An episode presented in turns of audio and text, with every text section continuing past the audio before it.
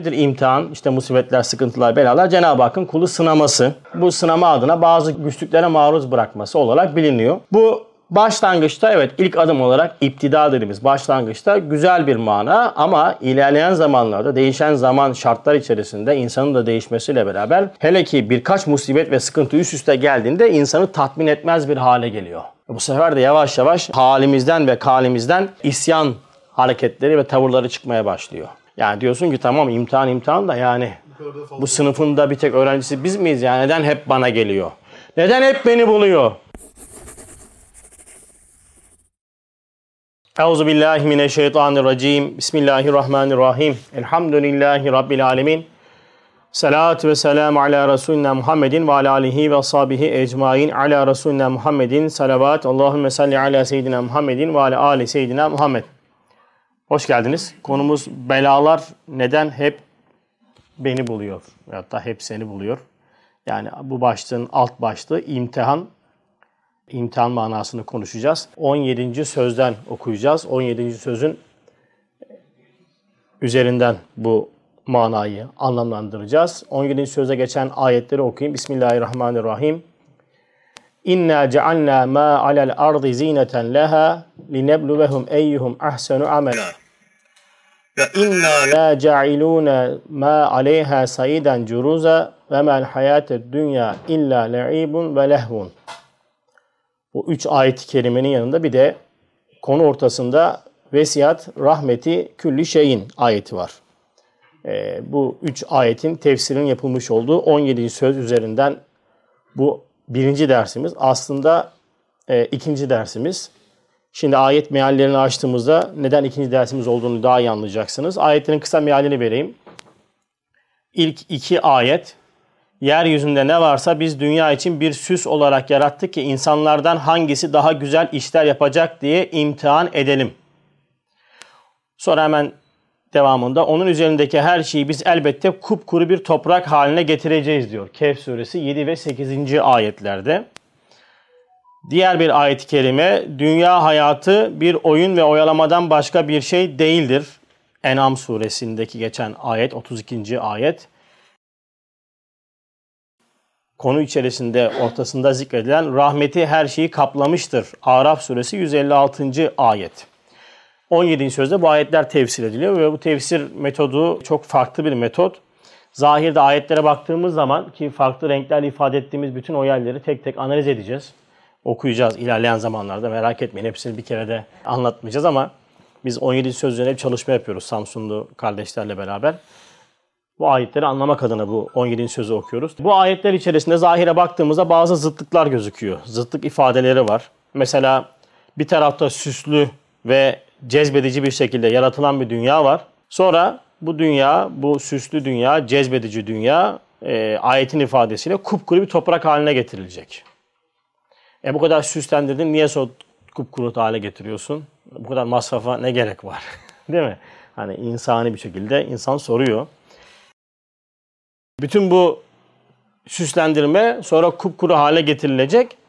Bu ayeti de bir de şeyle ilişkilendirecek. Yani rahmet ile ilişkilendirecek. Rahmeti her şeyi kuşatmıştır manasıyla birleştirerek tefsir edecek. Yani dikkat ettiğimizde aslında üç tane içerisinde birbirinden farklı ifadelerin geçmiş olduğu ayetler bir ayetle, taban tabana zıt olan bir ayetle senkronize ediliyor. Evet şimdi bu senkronize ettiğimiz ayetin tablosunu açın yukarıdan. Şurayı dikkatli dikkat edin. Burası önemli.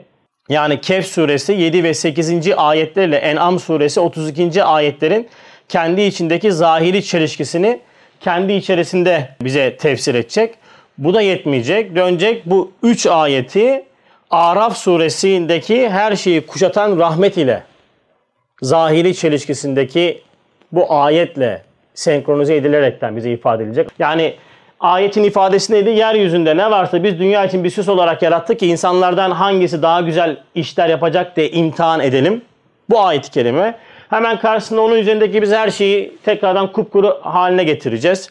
Yani süslendirdin, güzelleştirdin sonra kupkuru hale getiriyorsun. Bu arada bir çelişki gözüküyor. Bunun hallini yapmaya çalışacağız. Sonra Dünya hayatı oyun ve eğlenceden ibaret. E bu kadar oyun eğlencelik içinde bu kadar masrafa gerek var mı? Hem kupkuru yapacaksın, darmadağın edeceksin. Sonra en zoru da kısmı da bu. Bütün bu üç tane ayeti de rahmet ile anlamlandıracak, senkronize edecek. Yani çok farklı bir, Kur'an'i bir tefsir metodu sergileniyor. Bu, bu 17. sözde ben buna hayran oldum yani kendi dünyamda. Çok istifade ettim. Yani böyle Kur'an'ı Kur'an'ı bir metotla tefsir etme yöntemi var. Mesela şimdi ayetler içerisinde dikkatli okuduğumuzda ki tilavetten öte bir okuma gerektiriyor bu. Ee, bazen böyle ayetler zahiri birbirine zıt gibi gözüküyor. Şimdi birkaç tane numunesini vereceğiz. Fakat Kur'an'ın genel bütünselliği içerisinde baktığımızda o zıtlık dediğimiz şeyin olmadığını ya harbiden de burada bunu söylüyor, burada bunu söylüyor, burada bunu söylüyor olduğunu anlarız. Yani böyle bir Kur'an okuması yaptığımızda. Şimdi ayetler içerisindeki yolculuğumuz aslında şeyden başlamıştı. Biz tabirinden başlamıştı. Yani geçen hafta değil de bir önceki hafta biz o biz tabirini ben yine buradan çıkarmıştım. Yani biz dünyayı bir böyle böyle yarattık. Niye biz diyor? Değil mi? Bununla ilgili bir buçuk saat ders yapmıştık. O ders Kur'an'a neden biz deniliyor diye ifadesiyle Hasan Yeniler YouTube kanalına yüklendi. Oradan izlersiniz. Beğenip abone olmayı da unutmayın. O ders aslında bu dersin ilk dersiydi. Ama 17. söze buradan da başlayabiliriz. Yani biz kavramından sonraki bölüm yani bu aslında yine ayetler içerisindeki yolculuğumuzda şimdi bir kavram üzerine duracağız tekrardan. Yani burada bugün iki tane kavramı anlayacağız. Bir süs ne demek? İki imtihan ne demek? Şimdi dünyanın süs olması, şimdi dünyaya yalnızca insaniyetimizi kullanarak baktığımızda dünyanın gerçekten de çok güzel bir yaratılış içerisinde olduğunu görüyoruz. Değil mi? Yani harbiden de e, bunun için dindar olmaya gerek yok. İnsan olsan yeter. İnsan olarak şu kainata baktığında gerçekten de insanın bütün latifelerini okşayacak mükemmellikte bir yaratılışla karşı karşıyayız her an. Şimdi bu yaratılış ve bu yaratılışta gözüken süslendirmenin bir nedeni olmalı. Yani e, insan insaniyetini kullandığında bunu merak eder. Mesela size sürekli ikramlarda bulunan, haddinden fazla ikramda bulunan, her ikramı da böyle aşırı süslü şekilde yapan birini gördüğünüzde ister istemez dersiniz ki ya niye bu kadar yapıyor? Acaba ne isteyecek? Hani az argo tabirle kullanacak olursak ya bunda bir bit yeniği var falan filan e, der insan. Çünkü insan gerçekten de merak eder. Yani sürekli her daim kendisine ikram eden bu ikramları süslendirerek yapan zatın bundaki gayesini merak eder. Şimdi bu merak eğer var edenin bu varoluşu anlattığı Kur'an'la, vahiyle anlamlandırılmazsa bencelerle, kendimce bu zamana göre gibi böyle Kur'an'dan ve vahiyden uzak felsefi tabirlerle yorumlandığında o zaman e, anlamsızlaşmaya başlayacak. Şimdi bunun için çok önemli bir ölçü veriyor bize Bediüzzaman Hazretleri. Diyor ki kainatta bütün varoluşu üç yönüyle ele al.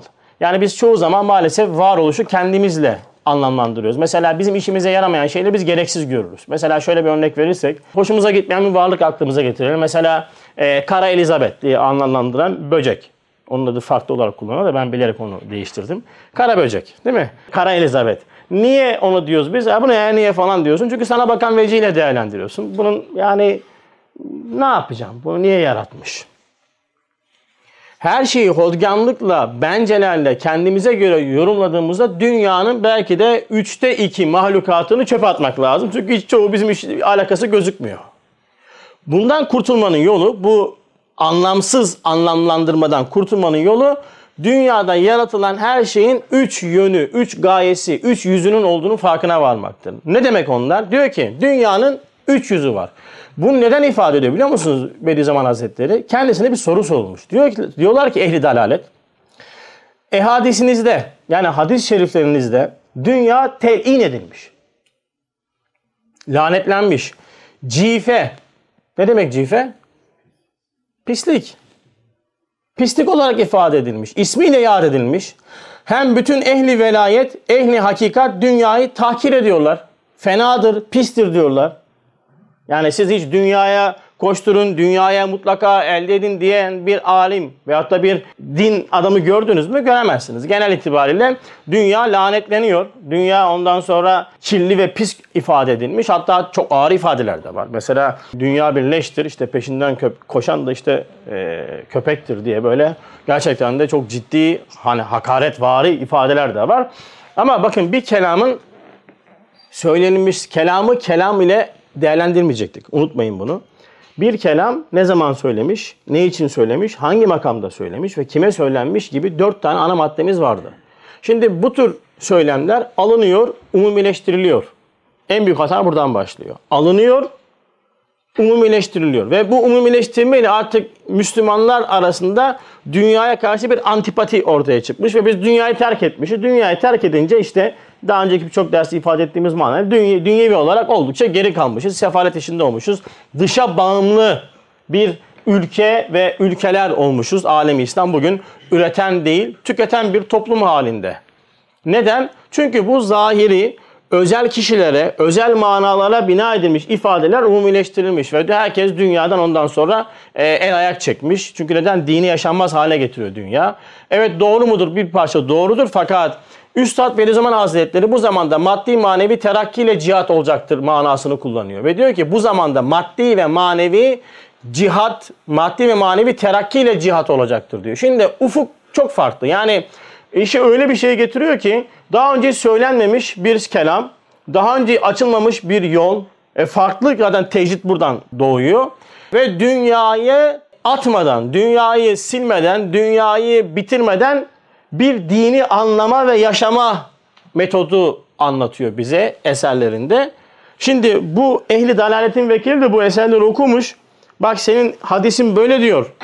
Ehli hakikat velayet böyle diyor. Halbuki sen bütün kemalat-ı ilahiye medar ve hüccet onu gösteriyorsun. Dünyayı gösteriyorsun ve aşıkane ondan bahsediyorsun diyor. Sense bütün onların hilafına dünyadan bahsediyorsun.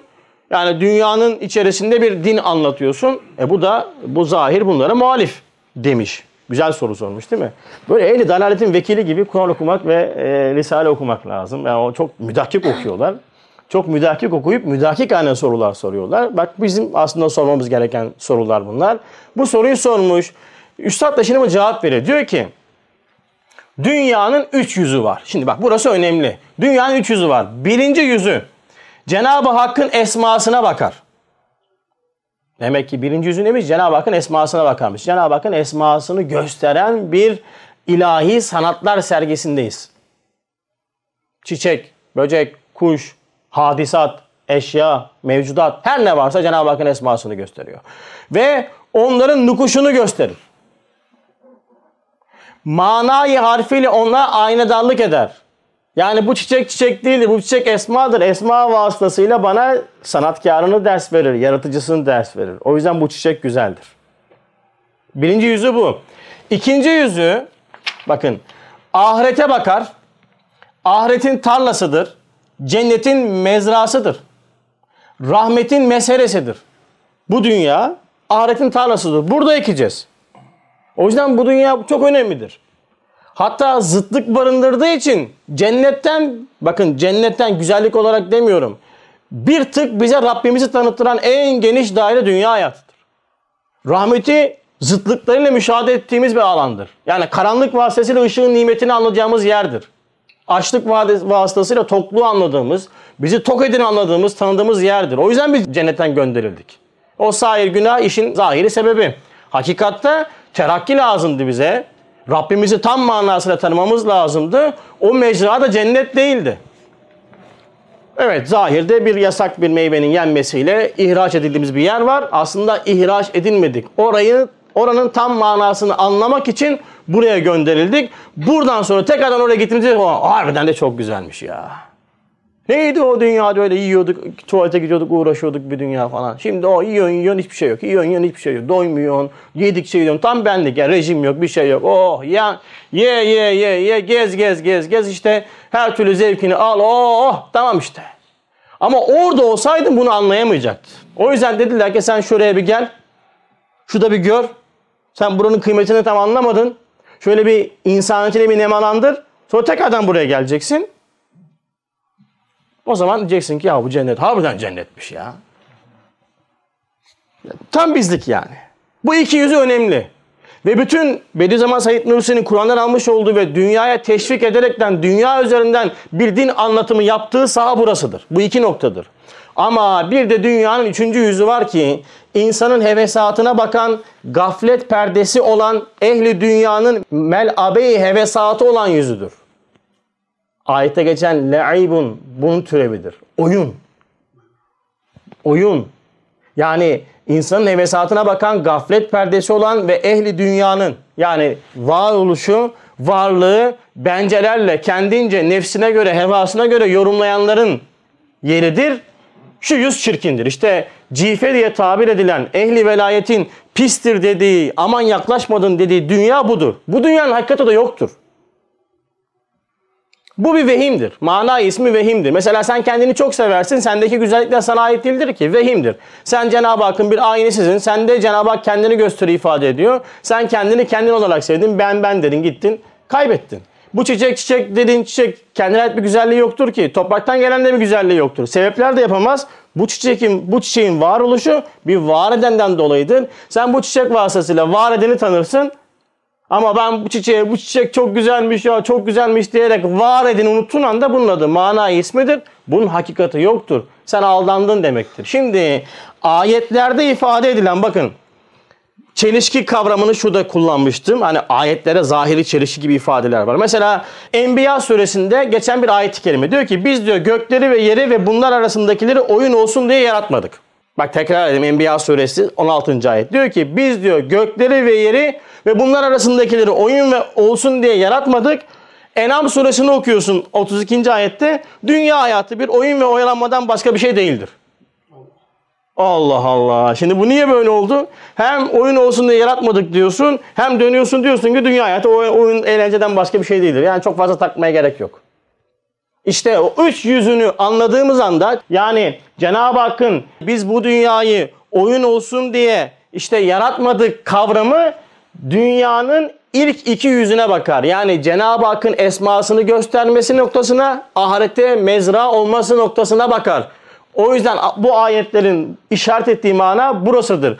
Diğer bir noktada bu dünyayı biz oyun ve eğlence olarak yarattık. Yani bu, bu kadar bir yerdir. Yani ayetin ifadesiyle dünya hayatı oyun ve eğlenceden ibaret bir yerdir dediği kısım da dünyanın üçüncü yüzü olan insanın hevesine bakan, nefsine bakan aslında hakikati olmayan yüzüdür.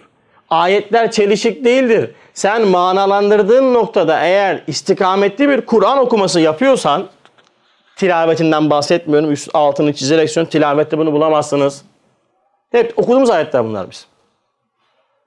Tilavette değil.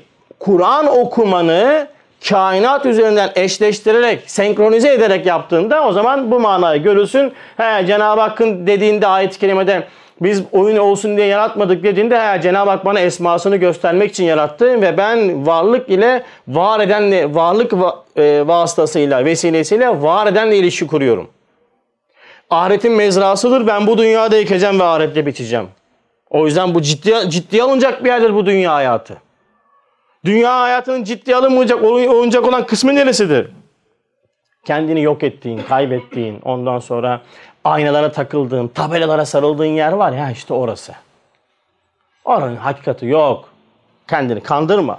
O yüzden bütün bu üç manayı nazar aldıktan sonra ben dünyanın hangi yüzünün oyun ve eğlence olduğunu, hangi yüzünün çok ciddiye alınması gerektiğini tam olarak alemime yerleştirmiş olacağım. İşte bu minvalde şimdi süs kavramını nasıl lazım? Neden bu kadar süslü yaratıldı bu dünya? Bu çiçek neden böyle süslü yaratıldı? Bakın öyle bir süslü ki bakın renk tonlamasına baktığınızda göreceksiniz. Yani kahverenginin kullanımı, solgun diye gözük, gözüken yerlerin bile soluk yaratılaraktan ayrı bir tabiri caizse sanatın gösterilmiş olduğu bir kainatta yaşıyoruz. Bakın sonbahardayız. Sonbahardayız. Aman ha gözünüzü dört açın. Kainatta daha önce bahar mevsiminde yeşil yaratılan yaprakların şu anda kahverengi yaratılaraktan bize firakı, zevali ders verdiğini ama mutlaka bunun da bir yaratılış olduğunu, bu ölüm diye gözüken hadisatın aslında arkadan gelenlere bir yer hazırlığı olduğunun farkına varın. Büyük işler yapıyor Cenab-ı Hak şu anda. Bahar mevsimi ve kış mevsimi müthiş bir inkılaptır. Müthiş bir inkılaptır. Bir süslendirmedir. Değil mi? Sonbahar fotoğraflarına bakın görürsünüz. Çok güzel fotoğraflar vardır. Mesela sonbaharda en acılı aşk şiirleri yazılır.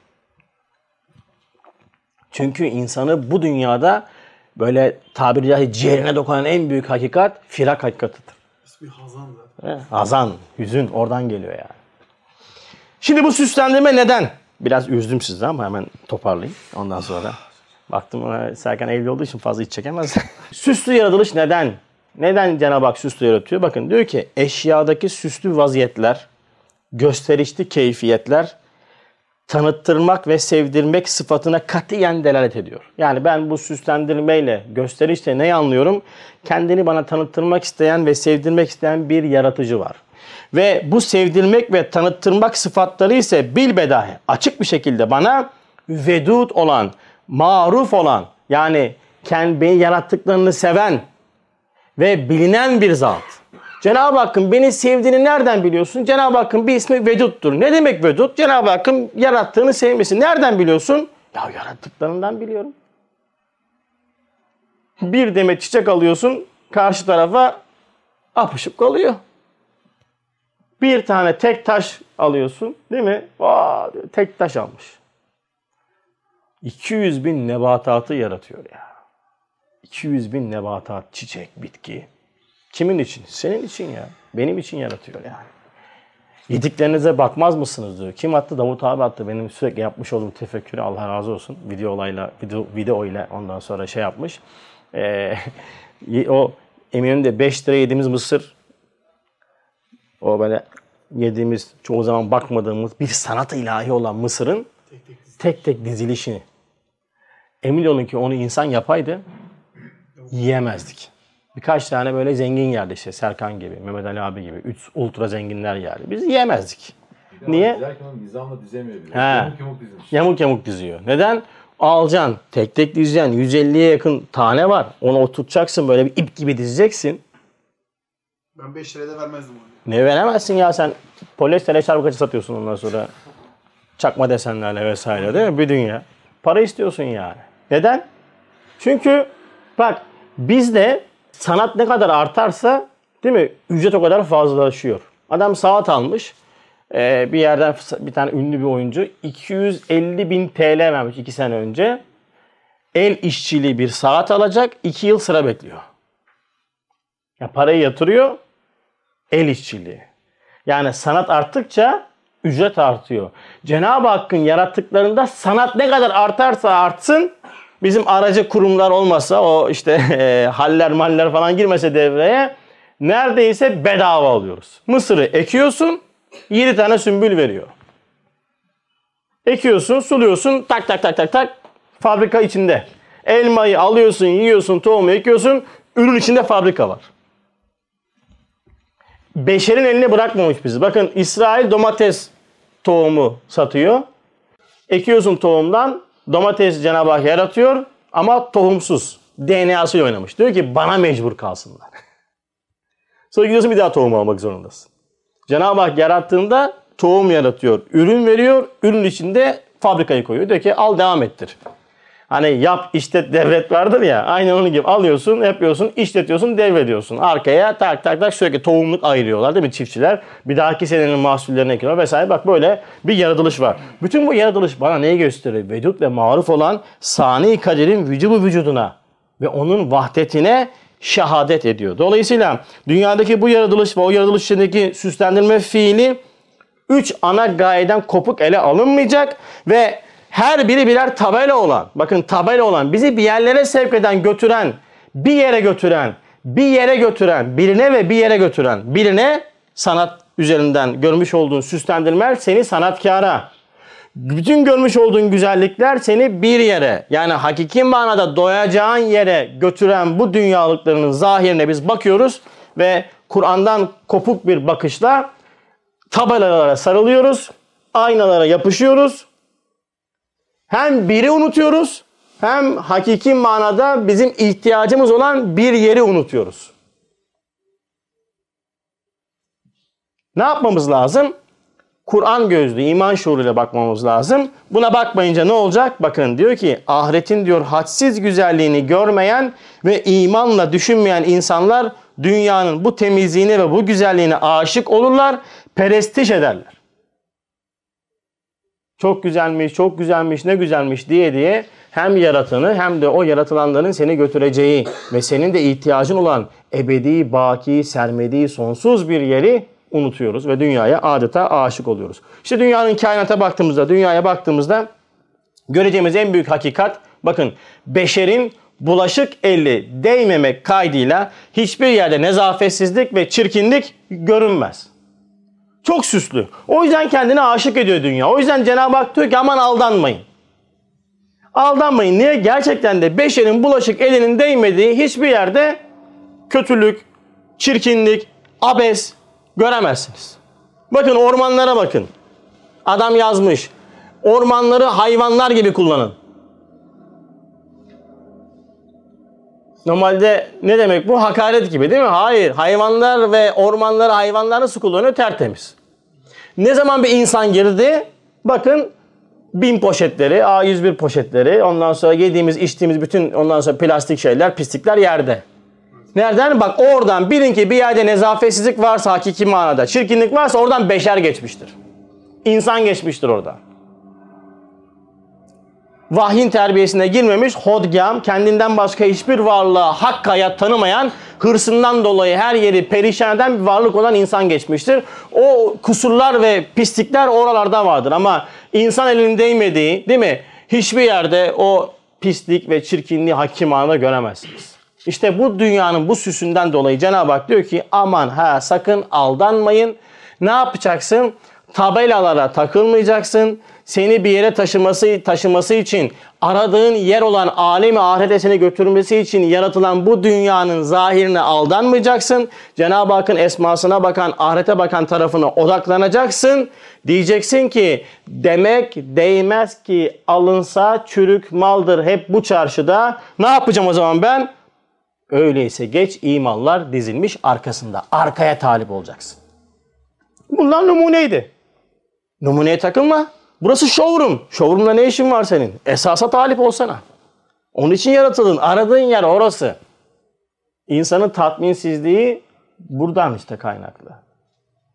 Bu dünya doyurmaz. Bu dünya insanı tatmin etmez. Bunu yakalayamadık mı aldanmak kaçınılmaz olacak. Şimdi ikinci kavrama geçiyoruz. İmtihan kavramı ki ana konumuz. Yani çokça din literatüründe kullandığımız bir e, mana ve kavram imtihan ve bu imtihanın da aracı olan, vesileli olan belalar, musibetler, sıkıntılar. Yani klasik öğretiden ve ezber sistemden alemimize yerleşen bir mana var. İşte nedir imtihan? İşte musibetler, sıkıntılar, belalar. Cenab-ı Hakk'ın kulu sınaması. Değil mi? Bu sınama adına bazı güçlüklerle, maru, güçlüklere maruz bırakması olarak biliniyor. Bu başlangıçta evet ilk adım olarak iptida dediğimiz başlangıçta güzel bir mana ama ilerleyen zamanlarda değişen zaman şartlar içerisinde insanın da değişmesiyle beraber hele ki birkaç musibet ve sıkıntı üst üste geldiğinde insanı tatmin etmez bir hale geliyor. Bu sefer de yavaş yavaş halimizden ve kalimizden isyan hareketleri ve tavırları çıkmaya başlıyor.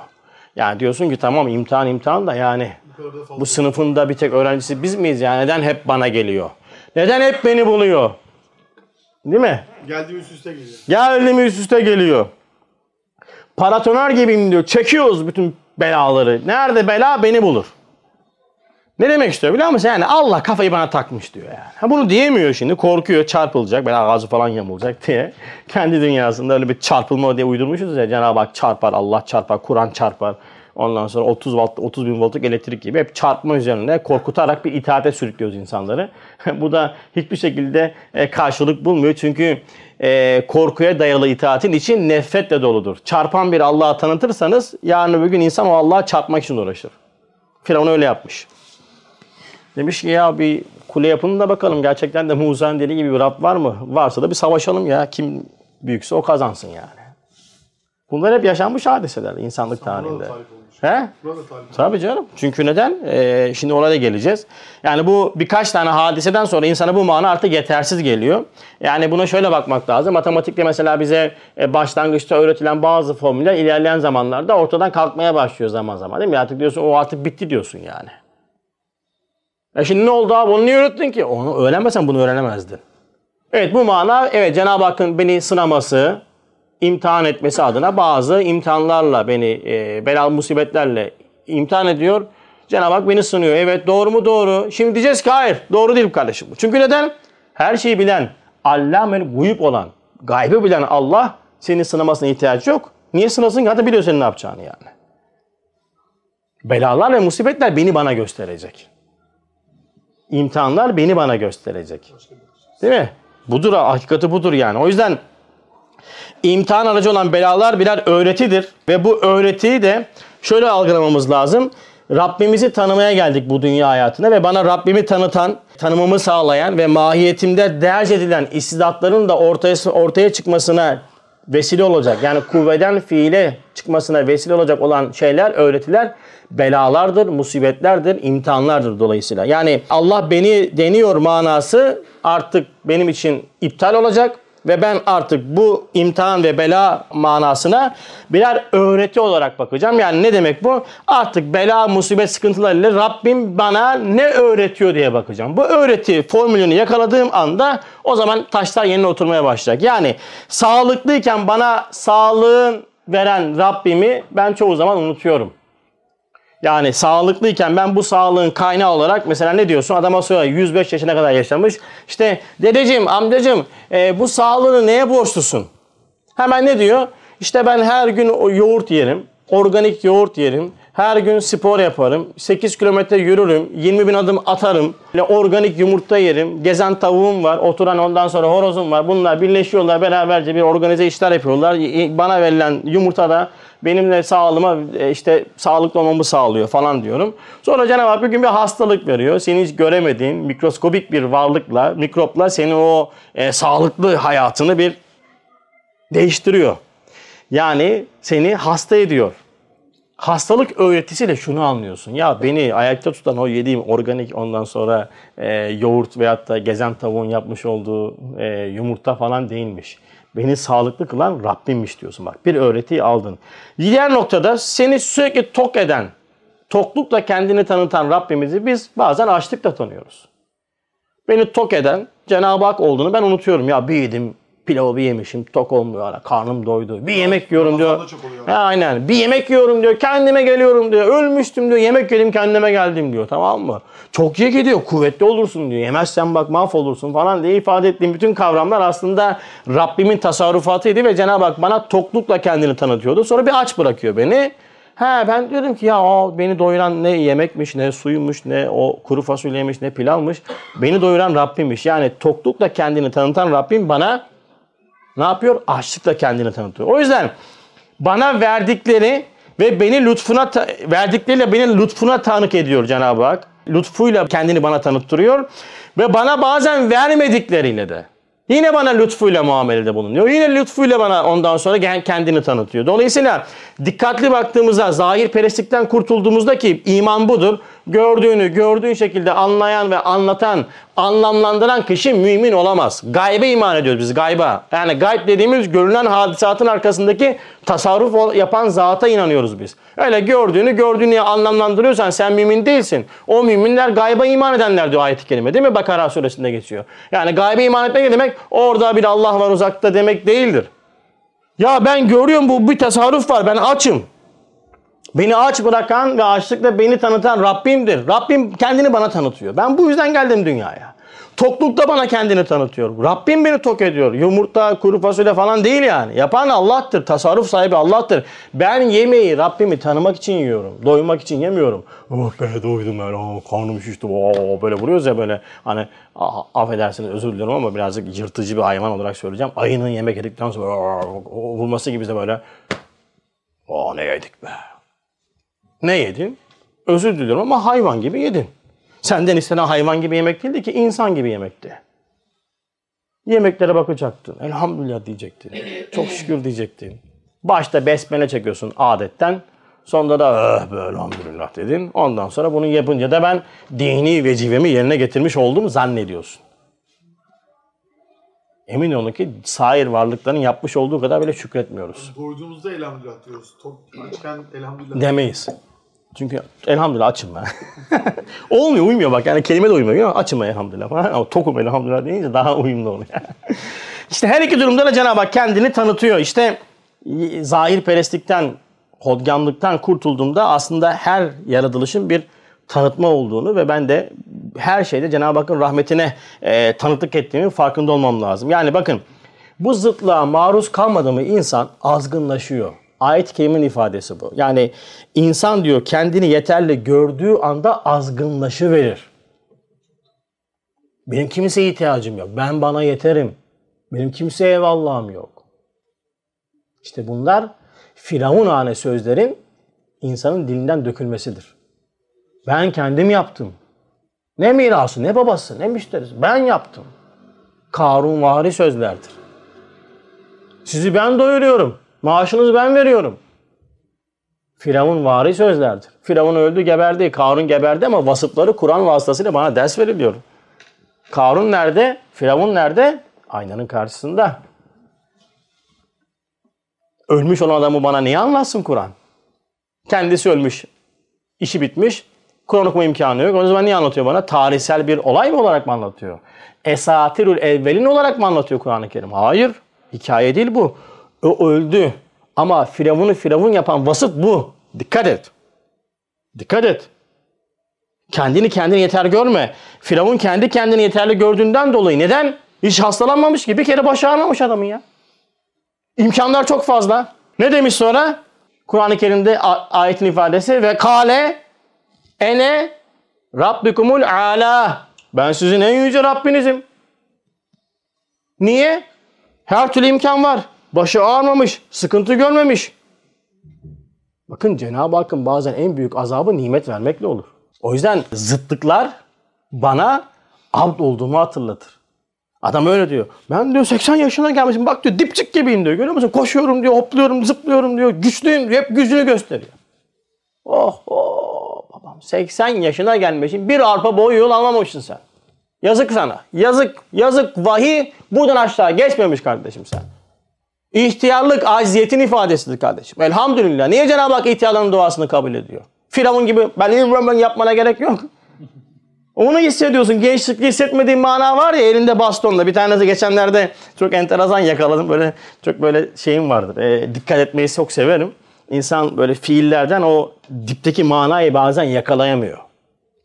Bir yere gidiyoruz. Dedim ki bir sakat bir sıkıntısı var. Dedim ki baston var. Bastonu alsana. Yok ben baston almam. Tabii ting ting ting ting benim hemen maalesef suizanlım hemen devreye girdi. Ee, iyi bir şey değil bu da. Neden diyorum bastonu almıyorsun? Yok gerek yok ben inerim diyor tutunurum diyor. Neden diyorum baston almıyorsun bana söyler misin?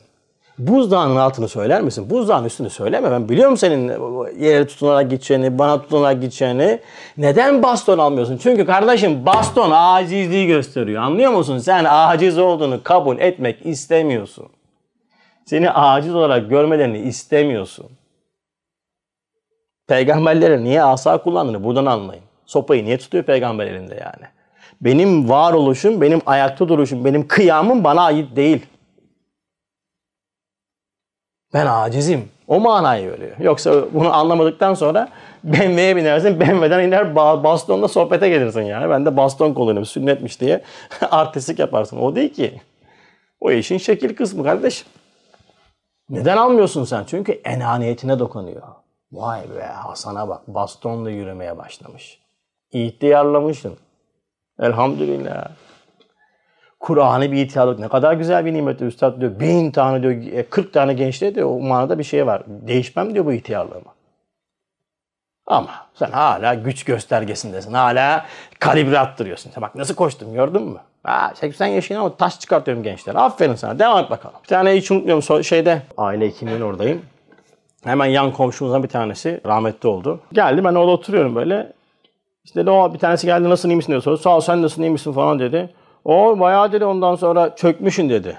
O kişi diğerine o bu var ya böyle kalktı ya. Ne çökmüşüm dedi bak ben 83 yaşındayım hala dedi yürüyorum. Ben de bakıyorum böyle yani ne kadar yazık diyorum böyle. Hep de beni bulur böyle tipler. Mı? Ne kadar yazık diyorum. Adam bir hafta sonra öldü biliyor musunuz? Vallahi bak bir hafta sonra adam öldü yani. Yürüyerek öldü. Bir hafta 15 gün içinde adam öldü yani. Ne oldu? Ben hala ayaktayım. Ya kardeşim sen ayakta falan değilsin. Ayakta tutuluyorsun. Be. Rabbini tanıman lazımdı işte. Ayaktayım dedin. Kaybettin. Allah'tan o zaman gitmedi ki. Küfre gitmedi yani. Ne oldu? Yeter gördüğünden dolayı. Zıtlık içerisinde müşahede etmedi. Nimetler bazen çok büyük perdedir. Göremeyiz.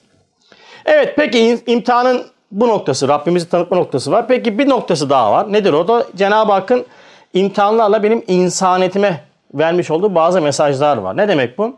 İmf- imtihan da ifade ettiğim işte bu belalar, musibetler benim insaniyetimin inkişafına sebebiyet veriyor. Yani insan niyetim inkişaf ediyor. Özellikle hayat serüvenim içerisinde, serüvenimiz içerisinde karşılaştığımız zahiri sıkıntılar, e, zorluklar, bela ve musibetlerin hepsi aslında bende gizli olan, benim bile farkında olmadığım istidatların kuvveden fiile yani çekirdekten, tohumdan adeta neşvi nema bularaktan ortaya çıkmasını sağlıyor.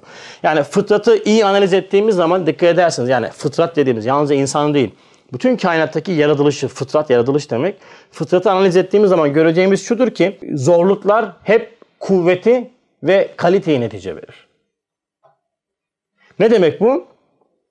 Mesela insan dikkat ettiğimiz zaman insan harekete programlanmış bir varlıktır. İnsan ve kainat harekete programlanmıştır. Kainatta hiçbir şey dur- durmaz. Dikkat edin hiçbir şey durmaz kainatta. Her şey döner. Hani Mevlevilerin seması oradan gelir yani. Mevlana Hazretleri bakmış dönüyor. Zerre dönüyor. Gezegen dönüyor. Her şey dönüyor. Her şey aşk ile dönüyor. Her şey aşk ile dönüyor. O da sema denilen o hakikati ifade etmiş yani. Sema diye. Şu andaki e, görsel diye ifade edilen o semanın hakikati budur yani. Her şeyin döndüğünü, her şeyin hareket ettiğini, her şeyin bir aşk-ı ilahiyle deveranda ve seyranda olduğunun farkındalığıdır. Semanın manası budur yani yokluk varlıktan sıyrılıp yokluğa doğru hakiki var edene doğru gitmektir. Semanın manası bu. Şimdi kainatta ve ins- kainat ve insan adeta harekete programlanmış bir varlık. Şimdi biz şimdi bu zaman ne yapıyoruz özellikle bu zamanda? İnsanın tanımlamasını yanlış yapıyoruz. Yani insan harekete programlanmış, kainat harekete programlanmış ve insan özellikle her an yenilenmeye müsait ve kendini geliştirmeye bir muhtaç bir varlıkken biz insanı maalesef bu noktada rahata ve konfora alıştırıyoruz. İşte bela ve musibetler bu hareketin ortaya çıkmasını sağlıyor. Benim için çok güzel öğreti oluyor. Yani yeknesaklık, sıradanlık insaniyeti bitirir. Bakın yeknesaklık, sıradanlık insaniyeti bitirir. Üstad lemalarda buna şöyle işaret ediyor. Diyor ki bakın hayat diyor musibetlerle, hastalıklarla tasaffi eder, kemal bulur, terakki eder, netice verir, tekemmül eder, vazife-i hayatı yapar. Yeknesak, istirahat döşeğindeki hayat, hayrı mahs olan vücuttan ziyade şehri mahs olan ademe yakındır ve ona gider. Ne demek bu? Bakın sürekli bir şekilde fıtratımıza baktığımızda ve fıtrat kanununa baktığımızda duran hiçbir şey yoktur dedik değil mi? Çünkü duran hiçbir şey kemale ulaşmaz. Bakın duran kas zayıflaşır. Doğru mu? Duran su acılaşır. Benim id- idarede bir su var. 5 gün önce doldurmuşum şişeyi. Şimdi dökmeyi de kıyamıyorum. İsraf olmasın diye atamıyorum çöpe. Ya işte lavaboya. Ya çiçeği sulayacağım ya bir şey yıkamak için tutuyorum orada. Ya su içesim var içemiyorum. Neden? 5 gün 6 gün geçmiş suyun artık tadı ne yapıyor? Bozulmaya başlıyor. Duran suda abdest bile anlamıyorsun kardeşim. Öyle değil mi? Bakın su durdu, su yosun tuttu. Akan su pislik tutmaz.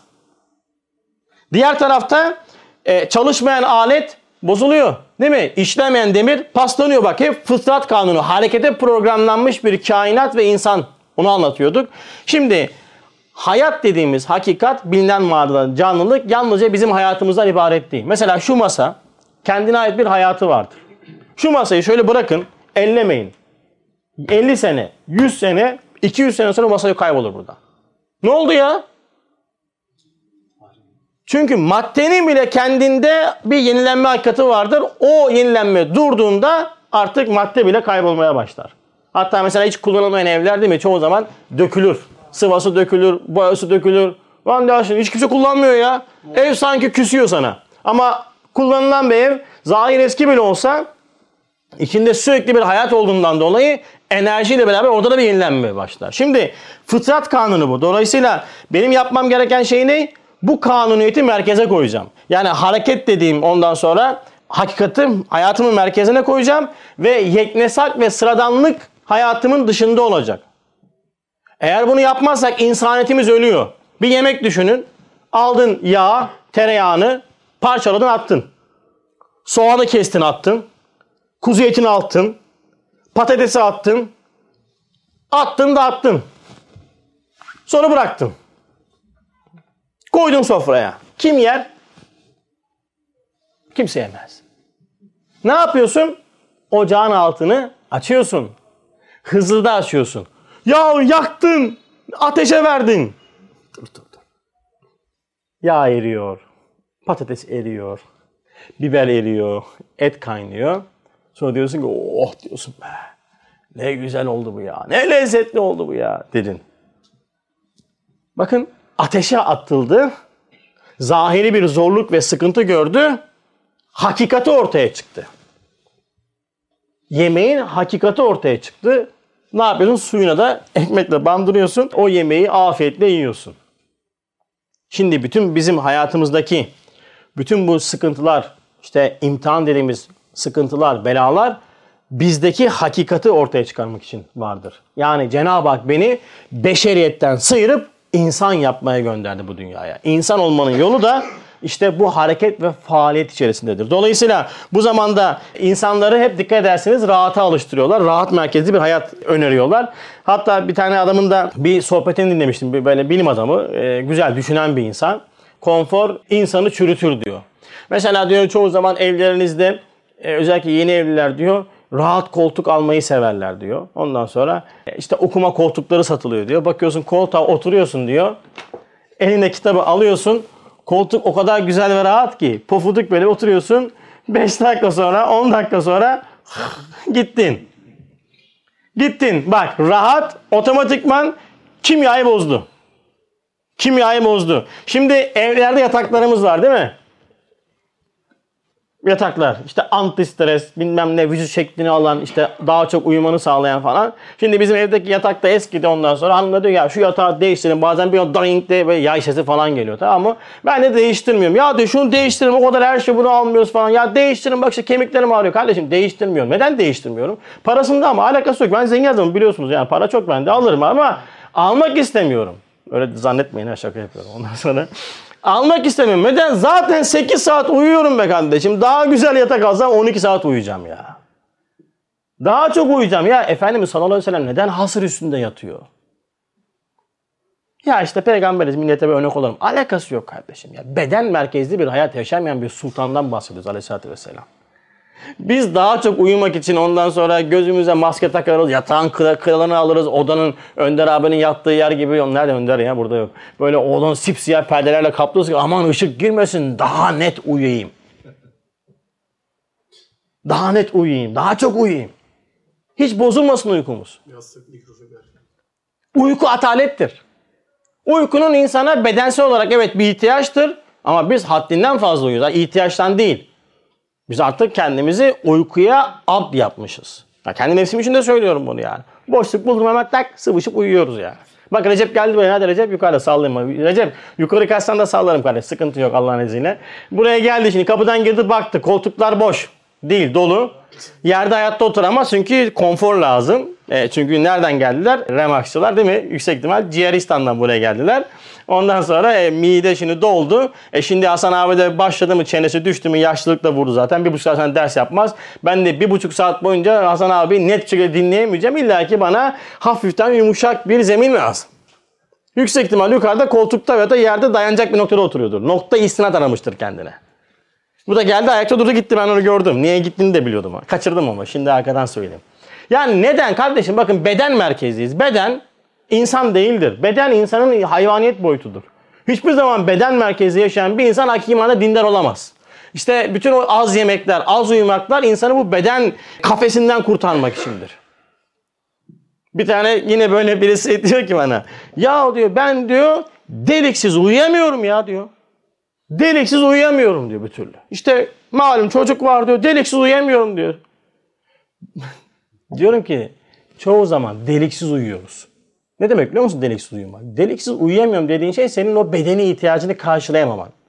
Deliksiz uyuyoruz biz. Hakikatte insanlar uykudadır. Öldükleri zaman uyanırlar. Ne gel niye geldiğini unutuyoruz. Ne yap niçin geldiğimizi unutuyoruz.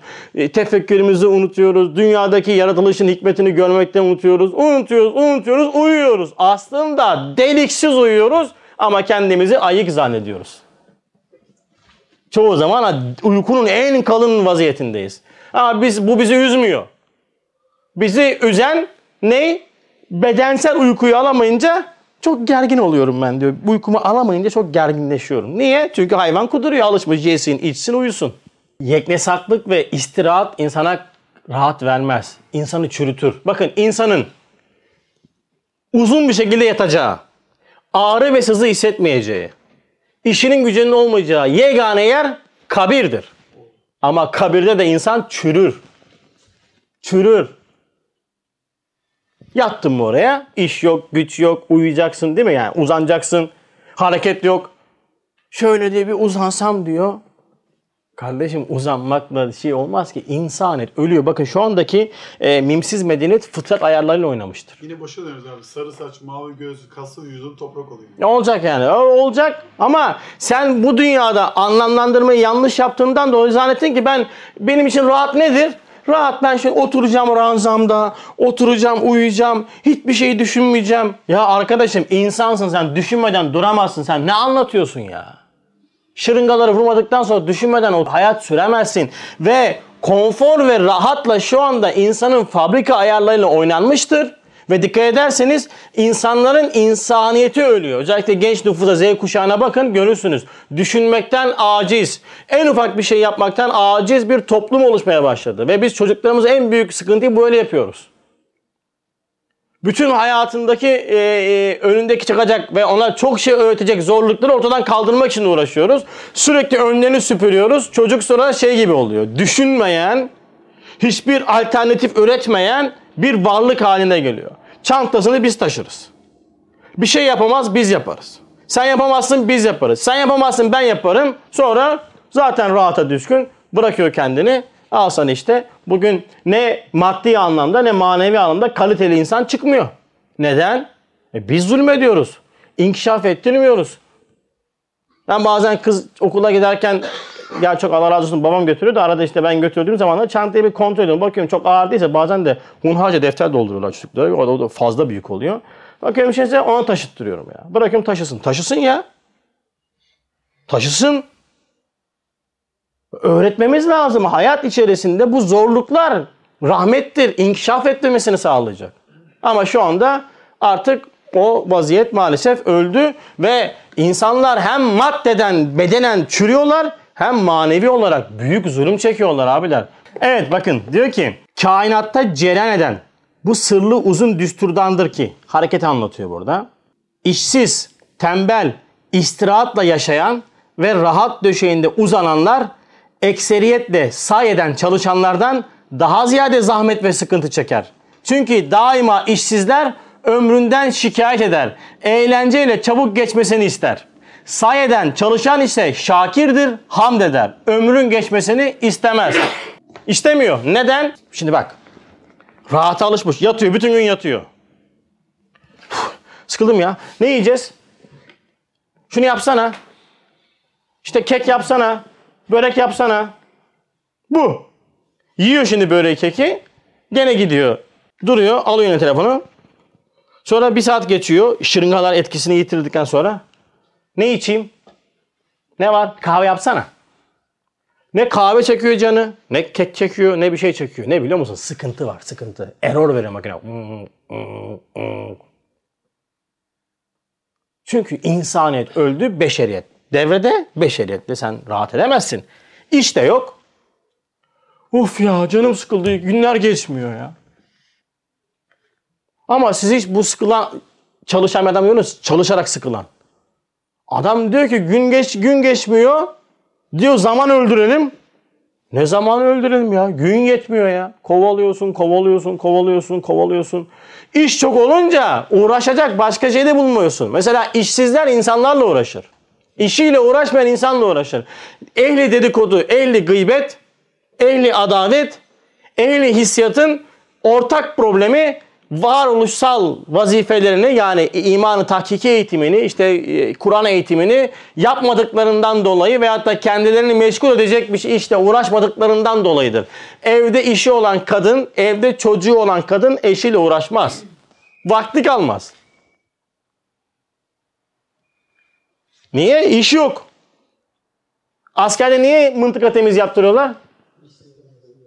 Askeri boş bırakmayacaksın diyor. Boş bıraktın birbirini yerler.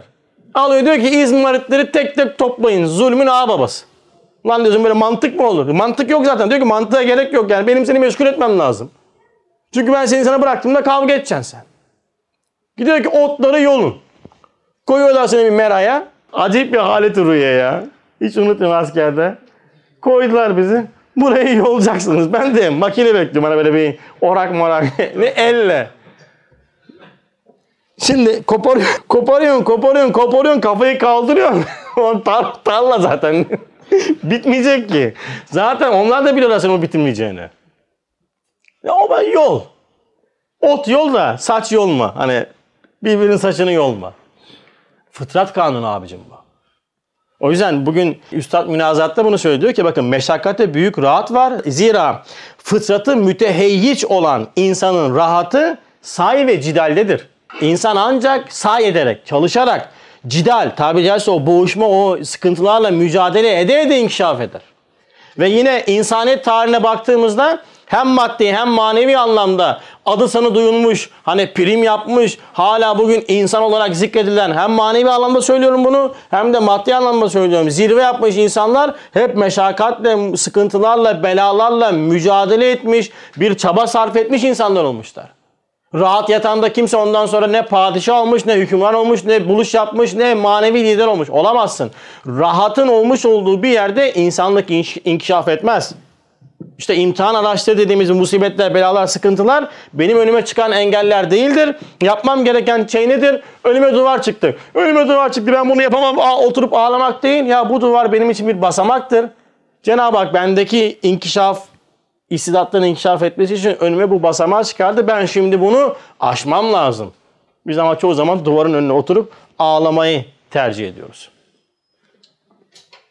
O yüzden yani işin hümanizm boyutu bir yana bizim din noktasında, imtihan noktasında böyle bakmamız lazım. Ve Cenab-ı Hak bana insaniyetimi öğretmek için, istidatlarımı ortaya çıkmak için beni musibetlerle, hastalıklarla imtihan ediyor. Ve seni bulmasının, ondan sonra sürekli seni bulmasının sebebi seni çok sevmesinden kaynaklı. Yahu seviyor ki sana değer veriyor ki bunu veriyor. Ya böyle şey mi olur? Bak hemen ben sana neden olduğunu söyleyeyim. Nereden söylüyorum bunu? Bir hadis-i şerifin bu tefsiri. Kendi kafamdan işkembe kübadan söylemiyorum. Nerede geçiyor Mehmet abi bu hadis-i şerif? En çok bela musibetler kimlere gelir? Bak şimdi. Hadis sahihte vardır ki eşeddü nası belaen el enbiya sümme evliya el emsel fel emsel. Yani kim ne demek bu? En çok bela ve musibetlere kimlere gelir? Başta peygamberlere, sonra evliyalara ve sonra onlara benzeyenlere. Bak şimdi en ziyade musibet ve meşakkate giriftar olanlar insanların en iyisi, en kamilleridir. Cenab-ı Hak en sevdiğine musibet veriyor. Bunu site sat ya. Şimdi sen eve gitsen, hanımına desen ki ya hanım ben seni çok seviyorum. Çat. Ya hanım ben seni çok seviyorum işte bir hastalık bir şey versen. Ya hanım ben sana acayip aşığım desen bir sıkıntı çelsen. Ne yapıyorsun sen der değil mi? Bu nasıl sevgi? He? Aynen soluğu dershanede alırsınız yani ondan sonra. Cenab-ı Hak en sevdiklerine musibet, meşakkat, sıkıntı veriyor. Neden? Çünkü Cenab bu dünyada amaç Rab'le sürekli iletişim kurmaktır. Rabbi bulmaktır. Bütün bu hastalıklar, sıkıntılar, belalar o Rabbi bulduracak deney araçlarıdır. İnsana yakışan bunu bulduktan sonra deney araçları unutmaktır. Mesela sen bir kimyacısın diyelim.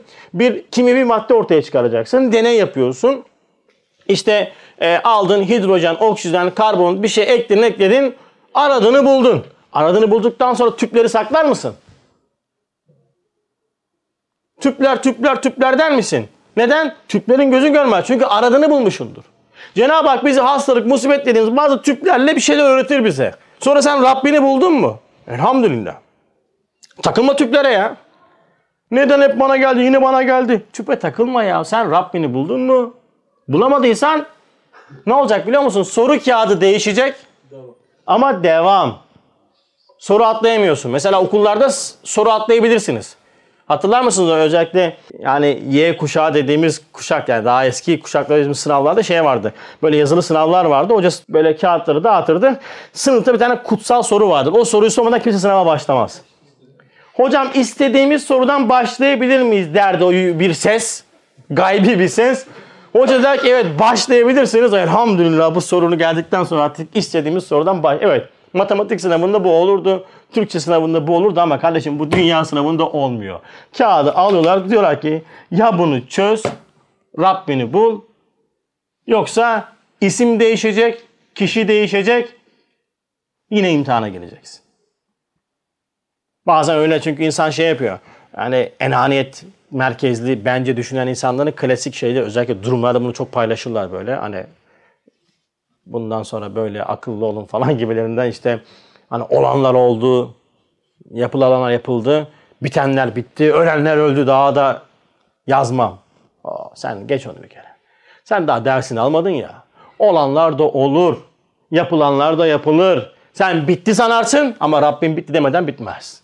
Ne yaparlar? Değiştirirler. Baran'ın yerine Haso yazarlar. Osman'ın yerine Serkan'ı yazarlar. İşte onu yazarlar, bunu yazarlar. Der ki buyur bu sorudan. Bakarsın ki ulan aynı soru ya. Derler ki ama çözmedin ki. Şişeler hala duruyor. Rabbini bulmadın ki. Amaç senin Rabbini buldurmaktı. Rabbini bulamadın ki. Yani o yüzden bu tür imtihanların hepsi sıkıntılar, hastalıklar, musibetler, belalar bana gerekli bir öğretiyi verir. Yani bir şeyin olması, bitmesi bir şey ifade etmez. Sen Rabbini buldun mu, bulmadın mı? Yapanı buldun mu, bulmadın mı? Neden bana bunu, bunu veriyor? İşte bak Rabbini buldurmak için veriyor. Neden peygamberlerim, evliyalar bu tür sıkıntılar çok vermiş? Hiçbir zaman Rablerle ilişkilerini kesmemişler onlar. Firavun gibi değil yani. Her an Rab'le beraberler. Her an Rab'le irtibattalar. O yüzden bu dünya medresesine biz neden geldik? Beşeriyetten çıkıp, hayvaniyetten sıyrılıp insan olmaya geldik. Ve bakın dertten ve ızdıraptan insanlık doğar. Dertten ve ızdıraptan insanlık doğar. İnsan olmak istiyorsak sürekli şekilde dertlerle hemhal olacağız. Neden? İnkişaf edecek. Ama bütün bu dertler ve ızdırapları rahmet yönüyle değerlendirmem lazım. Eğer bunu rahmet yönüyle değerlendirmezsem o zaman da isyan çıkacak. Unutmayacağız ki dertten ve ızdıraptan insanlık doğar. Özellikle sürekli nimet ve rahatlık Cenab-ı Hakk'ı unutturan en büyük perdelerdir. Bugün Cenab-ı Hakk'ı unutmamızın en büyük temel problemi bizim maalesef aşırı derece rahatlığımız ve imkanlarımızdır. O nimetler ondan sonra bizi maalesef Allah'a unutturmuş oluyor. Cenab-ı Hak bazılarına azabını nimet ve mansıp ile yaparmış. Sakın ha bulunduğunuz durum sizi aldatmasın, beni aldatmasın. İmkanlarım çok güzel, her şeyim tıkırında.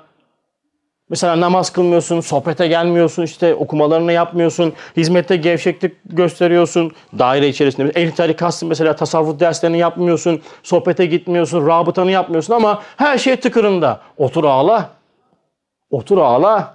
Böyle olmaması lazım. Böyle olmaması lazım. Bir problem var. Biz ne yapıyoruz? İşte bak elhamdülillah. Bir şey yok ki.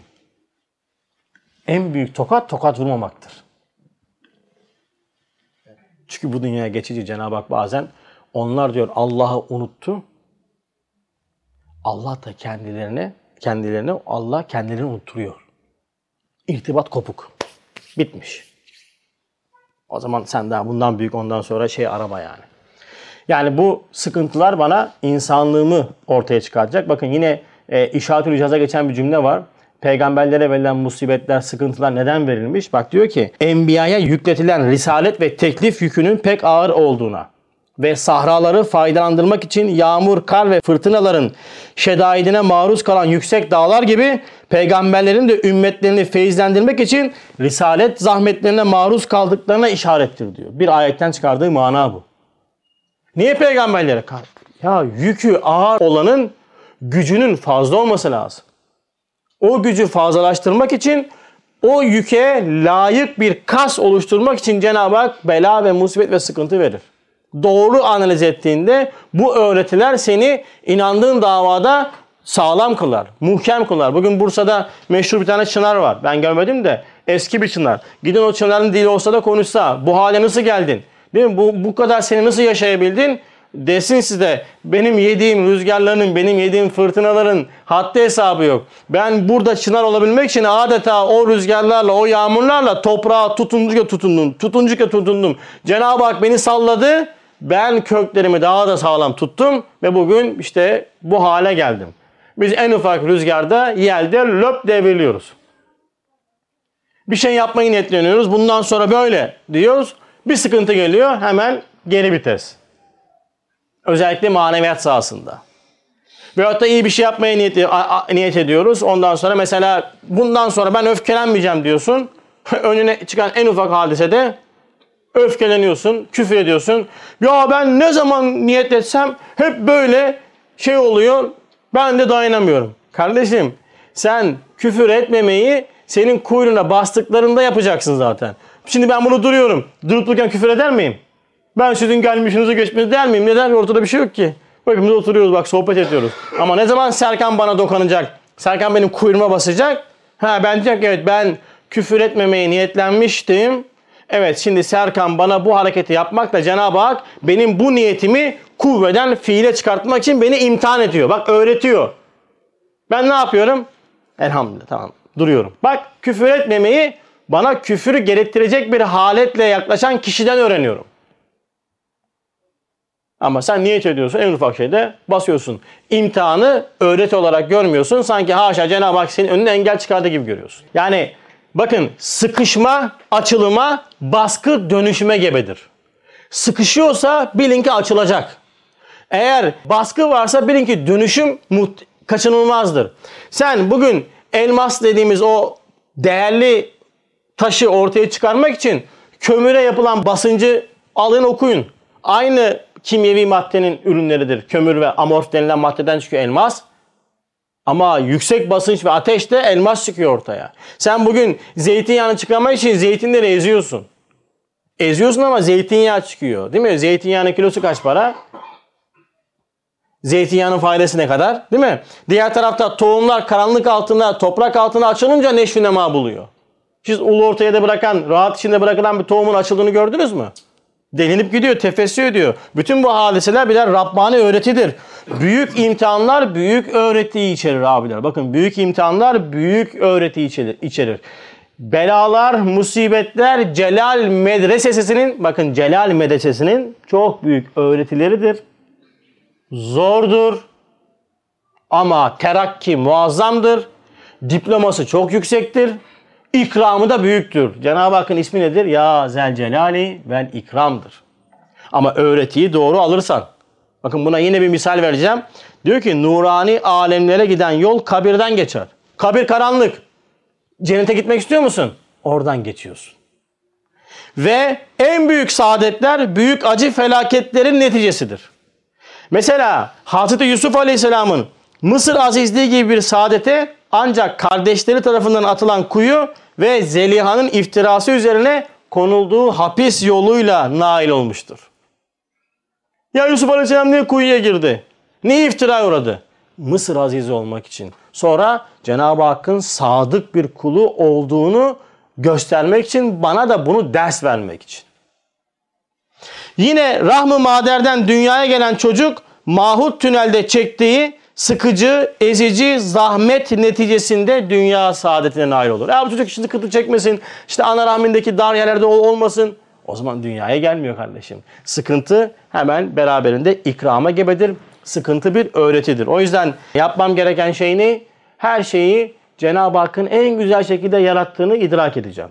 Bakın başımıza gelen her hadise insaniyetimizi ortaya çıkarmak için gelmiştir. Ve bizim farkında olmadığımız bir şey daha söyleyeyim size. Bizdeki bazı istidatlar bazı musibet ve belaları çeker. Neden hepsini buluyor, seni buluyor biliyor musun? Sendeki bazı istidatlar dua ediyor. Bununla ilgili güzel bir örnek veriyor 18. sözde. Ah seni külü şeyin halak ayetini tefsir ettiği derdi. Diyor ki atmaca kuşu serçelere tasliti. Zahiren rahmete uygun gelmez. Atmaca kuşunu biliyorsunuz gayet büyük bir kuş. Serçe ufacık bir hayvan. Atmaca serçeye saldırıyor. Zahire bakıyorsun her şey en güzel şekilde yaratıldı ama bu hadise nasıl bir hadise ya? Kocaman kuşun ufak kuşa niye saldırıyor? Zahir rahmet uygun gelmez. Halbuki serçe kuşunun istidadı o taslit ile, o saldırı ile ortaya çıkar, inkişaf eder. Şimdi biz bunu anlatırken ne anlatıyoruz? Ya işte atmaca kuşu geliyor, serçeye saldırıyor ama bak işte rahmet var. İşte serçede uçma kabiliyetini ortaya çıkardı. E suçlu kim? Atmaca. Ama bak rahmet var. Hayır kardeşim. Serçe kuşunda manevra yapma, pike yapma, farklı uçma istidatları vardı. Onlar dua ettiler. Ya Rabbi sen bir tane birini bir varlığını bir askerini gönder. Biz ortaya çıkmak istiyoruz. Bu mübarek hayvanın bizden haberi yok. Pır pır pır dümdüz uçuyor. Ama pike yapma, manevra yapma kabiliyetleri dua ediyor. Cenab-ı Hak da o duayı kabul ediyor. Atmacayı gönderiyor. Atmacayı gönderdi. Serçe böyle dümdüz uçarken birden manevra yapmayı, kaçmaya başladı. Bir baktı ki o Lan ne bende özellikler varmış ya. Ne uçuş kabiliyetleri varmış. Kim çağırdı o atmacayı? Serçenin kendisi çağırdı. Kediye ağaçtaki manzarayı izleten ancak onu kovalayan köpektir. Bazen köstebeklere semadan yeryüzünü izleten, onu avlayan şahindir, akbabadır. Bunu unutmayın. Mutlaka rahmetle değerlendirin. Bana gelen bir sıkıntı musibet varsa mesela bazı hadiseler oluyor hiç beklemiyorsun. Sonra diyorsun ki iyi ki de olmuş diyorsun. Sendeki o istidatlar, kabiliyetler ortaya çıktı. O hadiseyle ortaya çıktı. O hadiseyle ortaya çıktı. Belki de sen- onun suçu yok. Senin suçun var. Farkında değilsin. Doğru oku. Doğru analiz et. Rahmetle değerlendir. Terakki başlasın. Bizim geçmişte bir tane sıkıntı yaşadığımız bir abi vardı.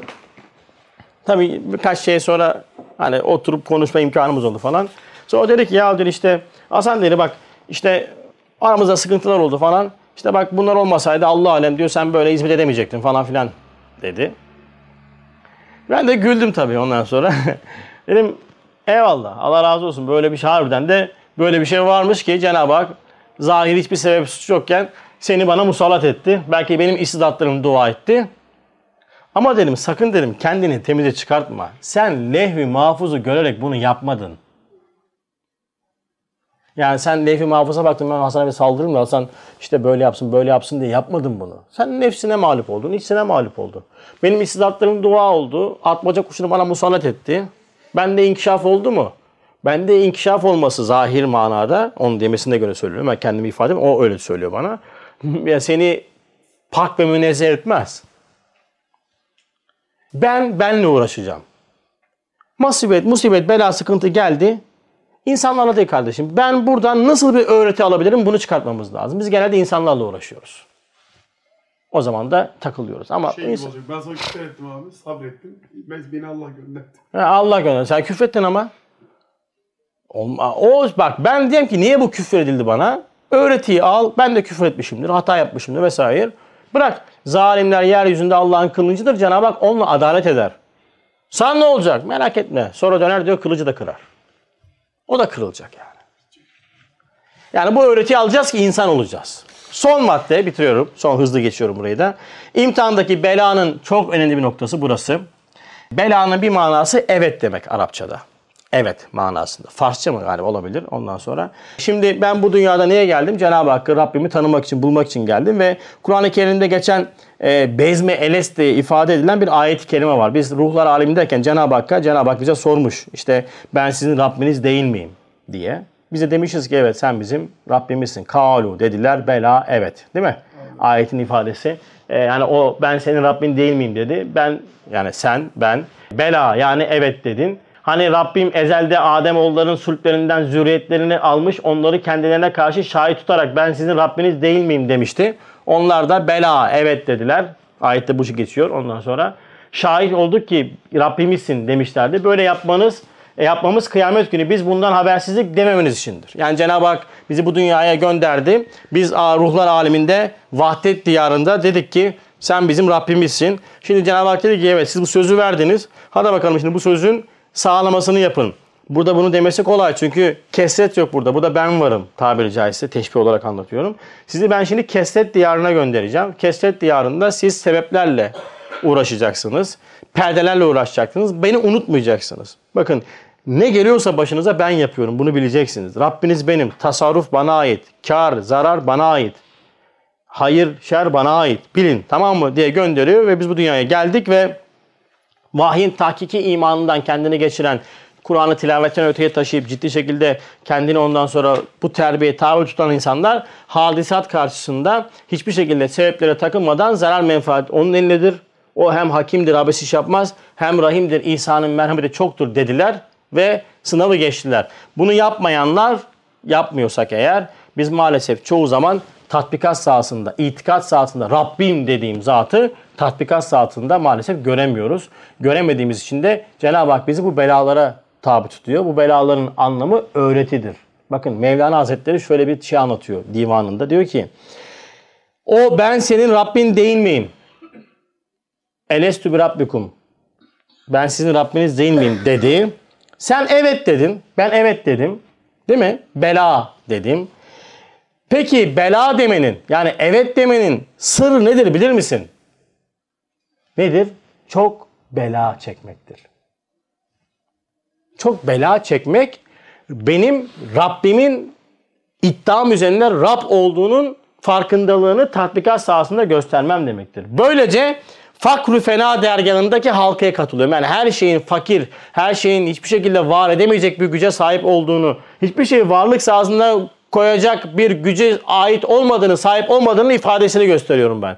Belalar bana geliyor ve ben her belada Rabbimi müşahede ediyorum. Dolayısıyla bu imtihanlar, bu belalar neden geliyor? Tefrik için, ayırt etmek için. Çünkü herkes Allah'ın kulu, yani Abdullah olduğunu iddia ediyor.